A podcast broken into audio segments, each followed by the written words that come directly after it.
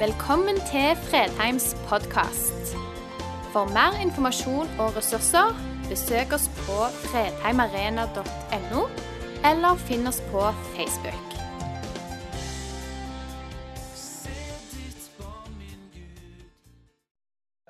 Ord kan drepe. Og eh, hvis ord kan drepe, så kan de sannsynligvis også gi liv, oppbyggelse og glede. Så hvilke ord bruker vi da i løpet av livet vårt? Når vi spoler tilbake i livet, så vil en finne ut at en har brukt gode ord, mer nøytrale ord og ord som ikke har vært bra. Ord jeg er glad for at jeg brukte. Ord jeg brukte i rett tid. Og ord jeg angrer på det jeg brukte. Jeg snakka med Merete, kona mi, i går om eh, hun begynte å lese på talen. Og så sa hun det om jeg skulle bruke, brute, bruke en episode som jeg ikke har tenkt å gjøre, men det kan jeg for så vidt ta. og det er nok noe av de ordene jeg, eh, som jeg angrer mest på at jeg har brukt i den siste tida. Og det var når jeg hadde en eh, uoverenskomst kan vi si, med min eldste datter skulle legge ut, og det, stemningen ble bare dårligere og dårligere. Til slutt, når jeg bare, når jeg bare får slutt på det her, tenkte jeg. Og eh, plukka ikke fra de beste forholdene i livet mitt og sa, tok den best, bamsen jeg er mest glad i, som heter Nussi, og sa nå er vi ferdige her, eller så hiver jeg Nussi ut vinduet. Og Det var ingen god idé. Eh, og det hadde jeg ikke tenkt helt igjen konsekvensene, for da måtte vi bruke mange timer etterpå for å roe hun ned. For jeg tenkte at det her er jo så glad i, så når jeg sier at jeg har tenkt å hive henne ut vinduet, så går det dypt inn på henne. Så det, det, det vil jeg stadig minne om, eh, nesten ukentlig. Når, når, hun blir irritert med meg, så minner jeg om at du hadde tenkt å hive Nussi ut vinduet. Sånn er det. Vi bruker av og til feil ord. I Matteus 12, 34-35 så står det For det hjertet er fullt av, det sier munnen. Et godt menneske henter fram godt av sitt gode forråd. Et ondt menneske henter fram ondt av sitt onde forråd. Mitt liv har vist meg fram til nå at jeg henter fram fra begge forrådene. Det kan være jeg har nevnt denne episoden tidligere. Det eh, Merete nevnte, jeg mente jeg hadde gjort det også. Det kan godt være. så glemt ut. Jeg husker, Det var noen år tilbake når jeg var fortsatt student. Eh, og Det var en helt ordinær andakt på Misjonshøgskolen. Eh, hvor han som holdt andakten, han utfordra på det å gjøre opp med de tingene i livet som jeg ikke hadde gjort opp med. Og For meg så kom det da opp, og det hadde sannsynligvis var nok en grunn fordi at jeg har tenkt på det ganske lenge i den perioden. Episoder fra ungdomsskolen hvor jeg hadde oppført meg ikke ok mot et annet menneske. På det tidspunktet husker jeg at jeg ikke tenkte så mye over det. Da var det på ungdomsskolen, jeg tenkte jeg bare var, Det var morsomt, jeg var bare med på noe morsomt. Og Så går åra, så ser du tilbake så tenker du at det var ikke morsomt i det hele tatt. Det var mobbing.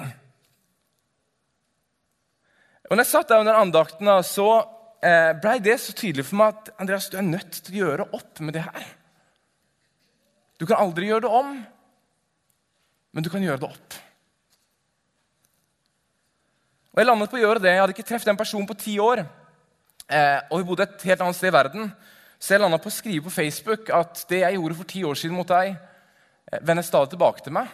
Og jeg angrer. Jeg skulle gjerne ha gjort det om igjen, men det kan jeg ikke. Men det jeg kan gjøre, er at jeg kan be om tilgivelse og si at det var veldig ugreit. Jeg skulle aldri gjort det.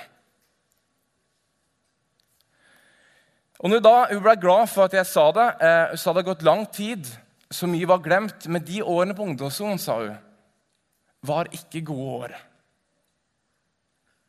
Og Når du får en sånn beskjed, og du vet at du var en del av det problemet Og at tre år av hennes liv var ikke gode år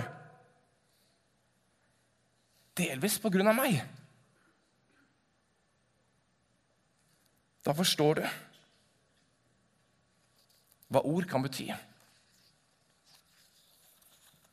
Akkurat nå er vi inne i en serie som går på det og livet med Gud. Og skal jeg være helt ærlig med dere, så er ordene vi bruker, en vesentlig del av det.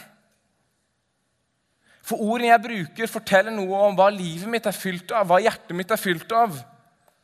De som sitter med Bibelen oppe, vil se at det går videre i vers 36 og 37, hvor Jesus sier, 'Jeg sier dere, hver unyttig ord som mennesket sier, skal de svare for på dommens dag.'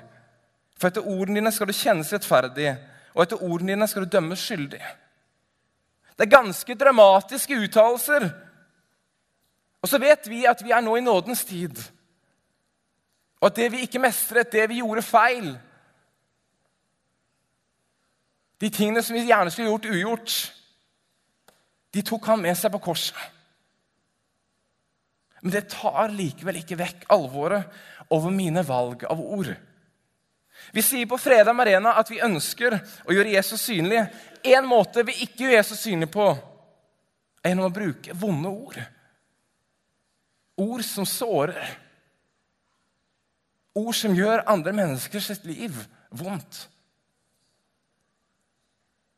Jeg gjorde ikke Jesus synlig for den jenten på bondeskolen.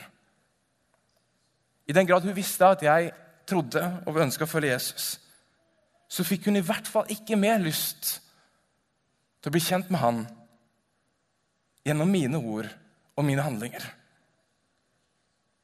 Det vil heller ha sendt henne en helt annen retning enn Jesus.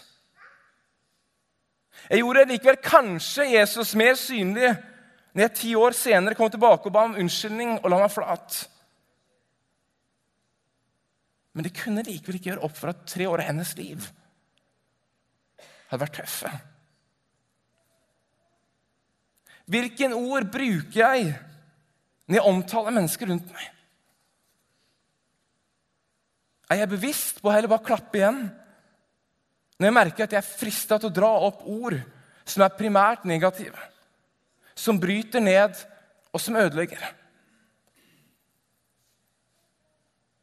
Eller lar jeg det bare flyte fram? Hva gjør det i så fall med min relasjon med Gud? Winston Churchill sa en gang By swallowing evil words unsaid, no one has ever harmed his stomach. Gjennom å svelge vonde ord istedenfor å si det, så har ingen fått vondt i magen. Uavhengig av hvem jeg snakker om så er dette mennesker som Gud elsker. Som han har ønsket. Som han har tenkt ut. Det er nok steder allerede i vårt samfunn hvor folk blir sakket ned. Vi er sendt ut med et oppdrag om noe helt annet. Vi er sendt ut med et oppdrag om å fortelle om Jesus og hva han har gjort. Fordi hver og en har en unik verdi for ham. Derfor snakker vi hele mennesket opp enn ned. Det er noe litt spesielt med den teksten vi tar utgangspunkt i. og det er at den konteksten den står i. Jesus tar på mange måter en oppgjør med fariseerne i teksten, både før den teksten vi kommer til, og etter teksten. Mens de versene som jeg leste helt i starten her, de kommer inn i en sammenheng, og de kommer rett etter de, den setningen her. Ta et tre. Enten er det godt, og da er også frukten god. Eller det er dårlig, og da er også frukten dårlig. Treet kjennes på frukten.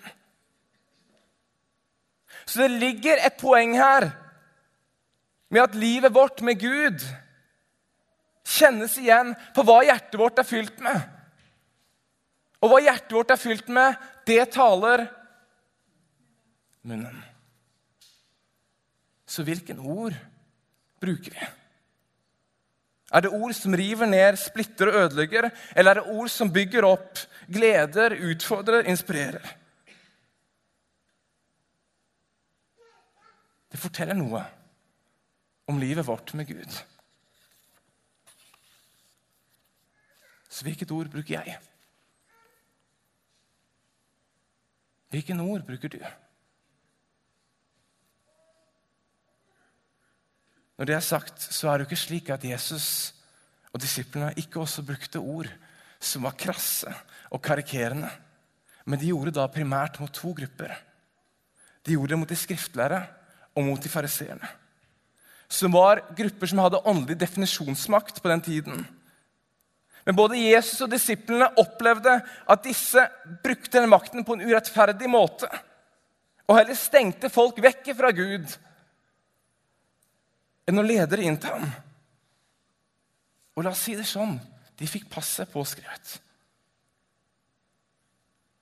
I forbindelse med fasten som vi nå er inne i, kom jeg over et sånt forslag eh, som var skrevet av paven eh, om ulike ting som vi kunne faste fra. Og Det første han skrev, var vil jeg ta fram, og det er å faste fra sårende ord og heller bruke gode ord.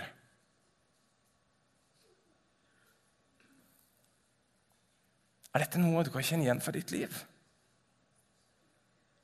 At det er ord, uttrykksformer, som det er på tide å legge ned foran Gud. For det bryter mer ned enn det bygger opp. Enn det bygger. Og det gjør på ingen måte Jesus synlig for mennesker rundt deg. Jeg tror nok i vår tid, i mitt og ditt liv med Gud, at vi også har en utfordring til som kristne. Ikke bare hvilken ord vi bruker, men hvilken ord vi ikke bruker. Så skal du få se en film, filmklipp her.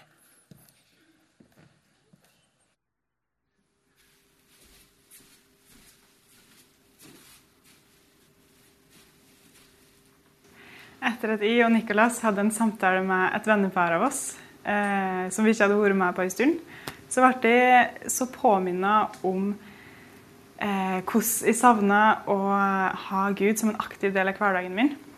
For Før så huska jeg at jeg hadde et mye større fokus på Gud. Eh, jeg kunne sykle til butikken og ha en samtale med Gud. Eller det var lett for meg å dele hva Gud gjorde i livet mitt med vennene mine. Eh, og da var liksom Gud en selvfølge i livet mitt.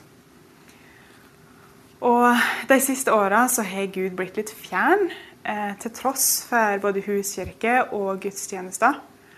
Eh, og jeg savna folk rundt meg som, som snakka om Gud på en hverdagslig måte. Og som inkluderer Han i, i, i de tinga de gjør i livet. Og jeg og Nicolas har gode venner på Fredheim. Og, og, vi kan snakke dypt med deg og gå, gå, liksom inn i dybden i livet. Men likevel så, så mangla vi litt Gud. Jeg tror det er lenge siden jeg kan huske at, eh, at vi har snakka om Gud. da, Og hvordan han f.eks. hjalp oss gjennom en stressa dag. Eller hvordan han minte oss på å ta en telefon til bestemor. Hvordan, han, hvordan, vi trengte han i en måned hvor vi slet med økonomien f.eks. Og jeg merker at dette er jeg altfor dårlig for sjøl. Jeg trenger å bli flinkere på det, for jeg vil ikke glemme Gud i hverdagen min. Og hvorfor er det blitt sånn? Når skjedde det?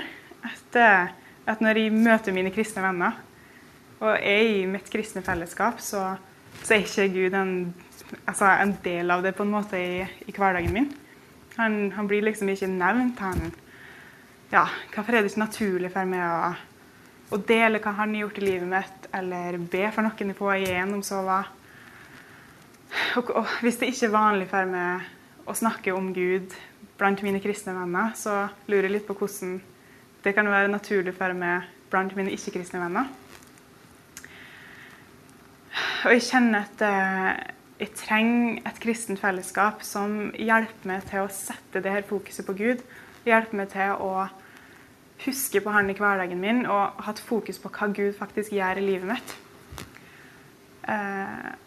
Og jeg merker sjøl at det egentlig er en, et steg ut av komfortsonen. Det å, å, huske på Gud og snakke om Gud. Hva er det egentlig Han gjør i livet mitt?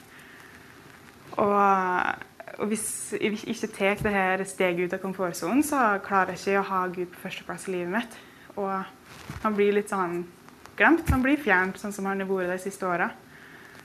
Og jeg vet ikke om det her er noe dere kjenner dere igjen i, men jeg ønsker i hvert fall ikke å fortsette sånn som det har gjort nå. og Jeg ønsker å endre på det.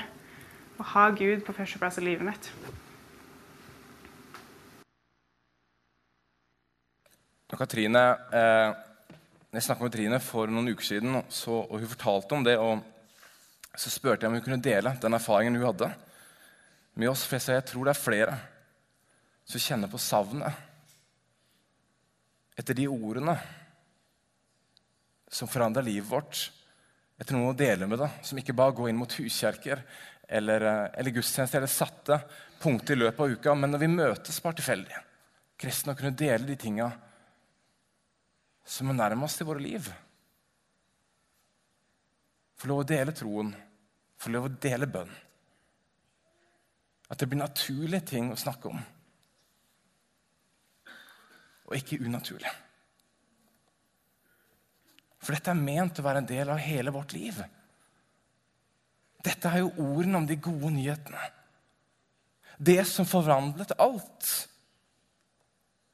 Og da snakker jeg ikke primært om evangelisering, men behov for å sette ord på sin tro, på sine gleder, på sine sorger, på sin lengsel etter Gud. På sine erfaringer etter Gud.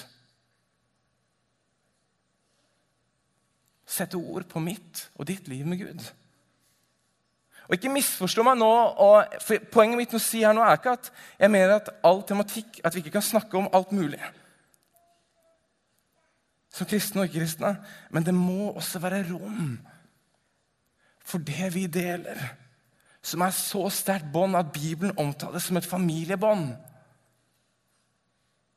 Hvis det ikke lenger er naturlig å dele erfaringer, lengsler, opplevelser, sorger, drømmer, håp, skuffelser Tanker om Gud med hverandre når vi møtes. Som er det mest naturlige av alt. For dette deler vi jo sammen.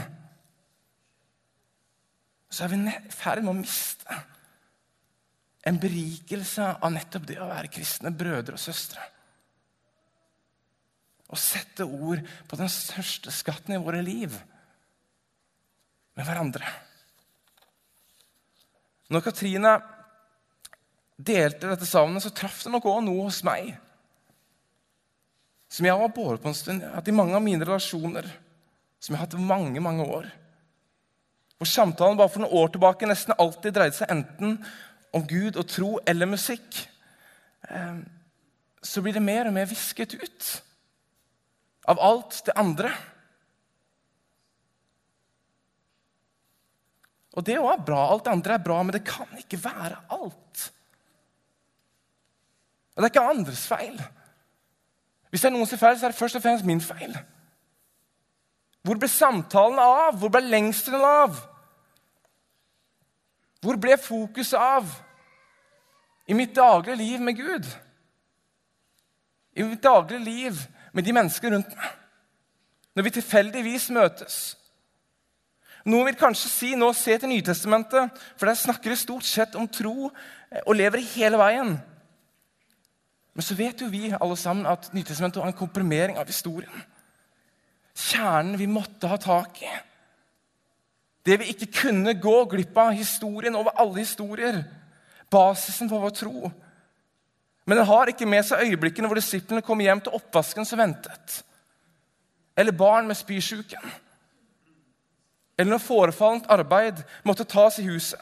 Men det er òg en naturlig del av livet. Men selv om det var det, så skulle jeg ønske at det i min omgangskrets så kunne jeg være med og gjøre livet med Gud til en større agenda enn den er nå når vi møtes. Ikke fordi jeg er pastor, men fordi jeg er en kristen. Fordi jeg ønsker å følge etter Jesus. Fordi jeg trenger disse dagligdagse relasjonene til å bli større åndelige holdepunkter i mitt liv. For det er disse øyeblikkene det er flest av i livet. De ikke planlagte møtene. Og Kanskje det er nettopp også her historiene kommer, erfaringene, lengslene, håpet etter Gud. I alle spekter og fargenyanser er å finne. For det hjertet er fullt av, det taler. Men du vet, dette utfordrer meg. For hvis dette er sant, hvorfor er det da sånn at jeg snakker mindre om tro nå? Vennene mine enn jeg gjorde for noen år tilbake. Hva forteller det i så fall om mitt liv? Jeg vet ikke hvor du er i ditt liv. Om lengselen etter å snakke mer om liv, tro, tvil, sorg, glede, Gud, håp, framtid. Om lengselen etter mer av det også er en del av ditt liv. Hvilken ord bruker jeg om Gud? Hvilken ord bruker jeg om andre?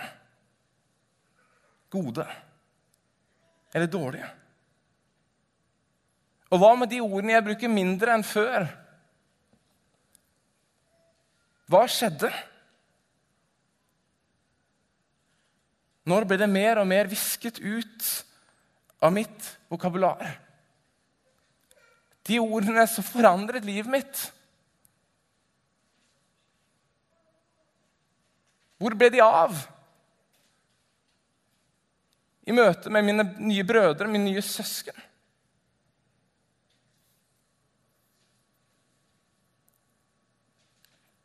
Dette er livet, folkens.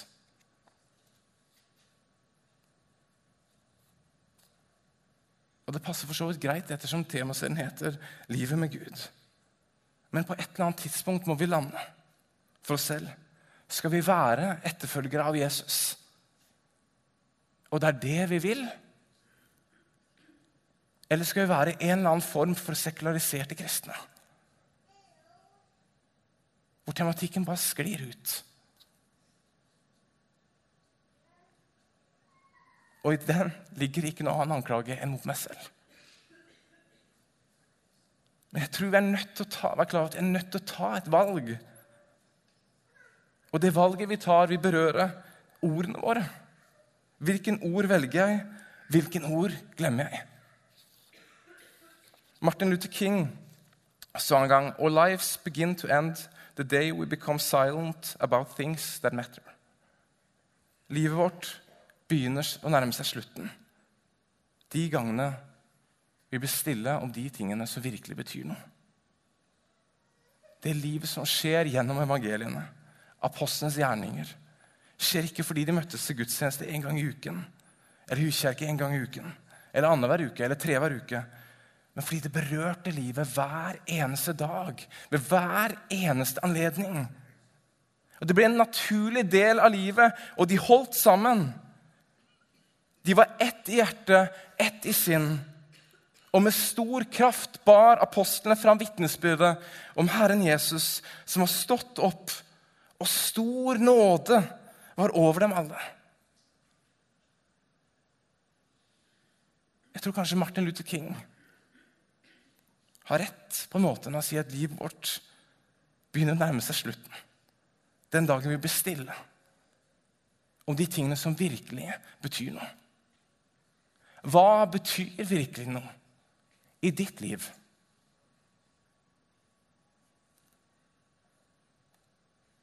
Livet, dine erfaringer, din lengsel etter Gud, håp, tro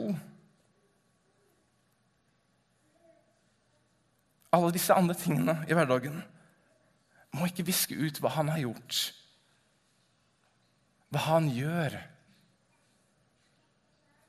og hva han vil gjøre i våre liv. Eller våre tanker rundt det. Våre drømmer rundt det. Vårt savn, vår sorg og de øyeblikkene som kanskje på dypest sett former våre liv som kristne. Så hvor er du?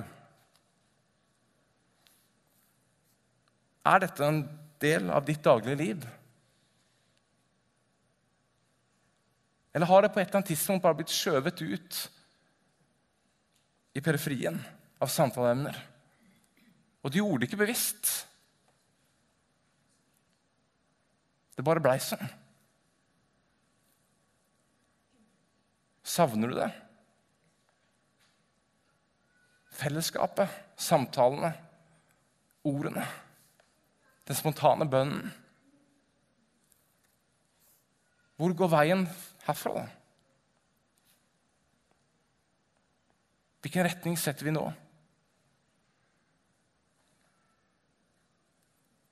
Hva gjør du med det savnet?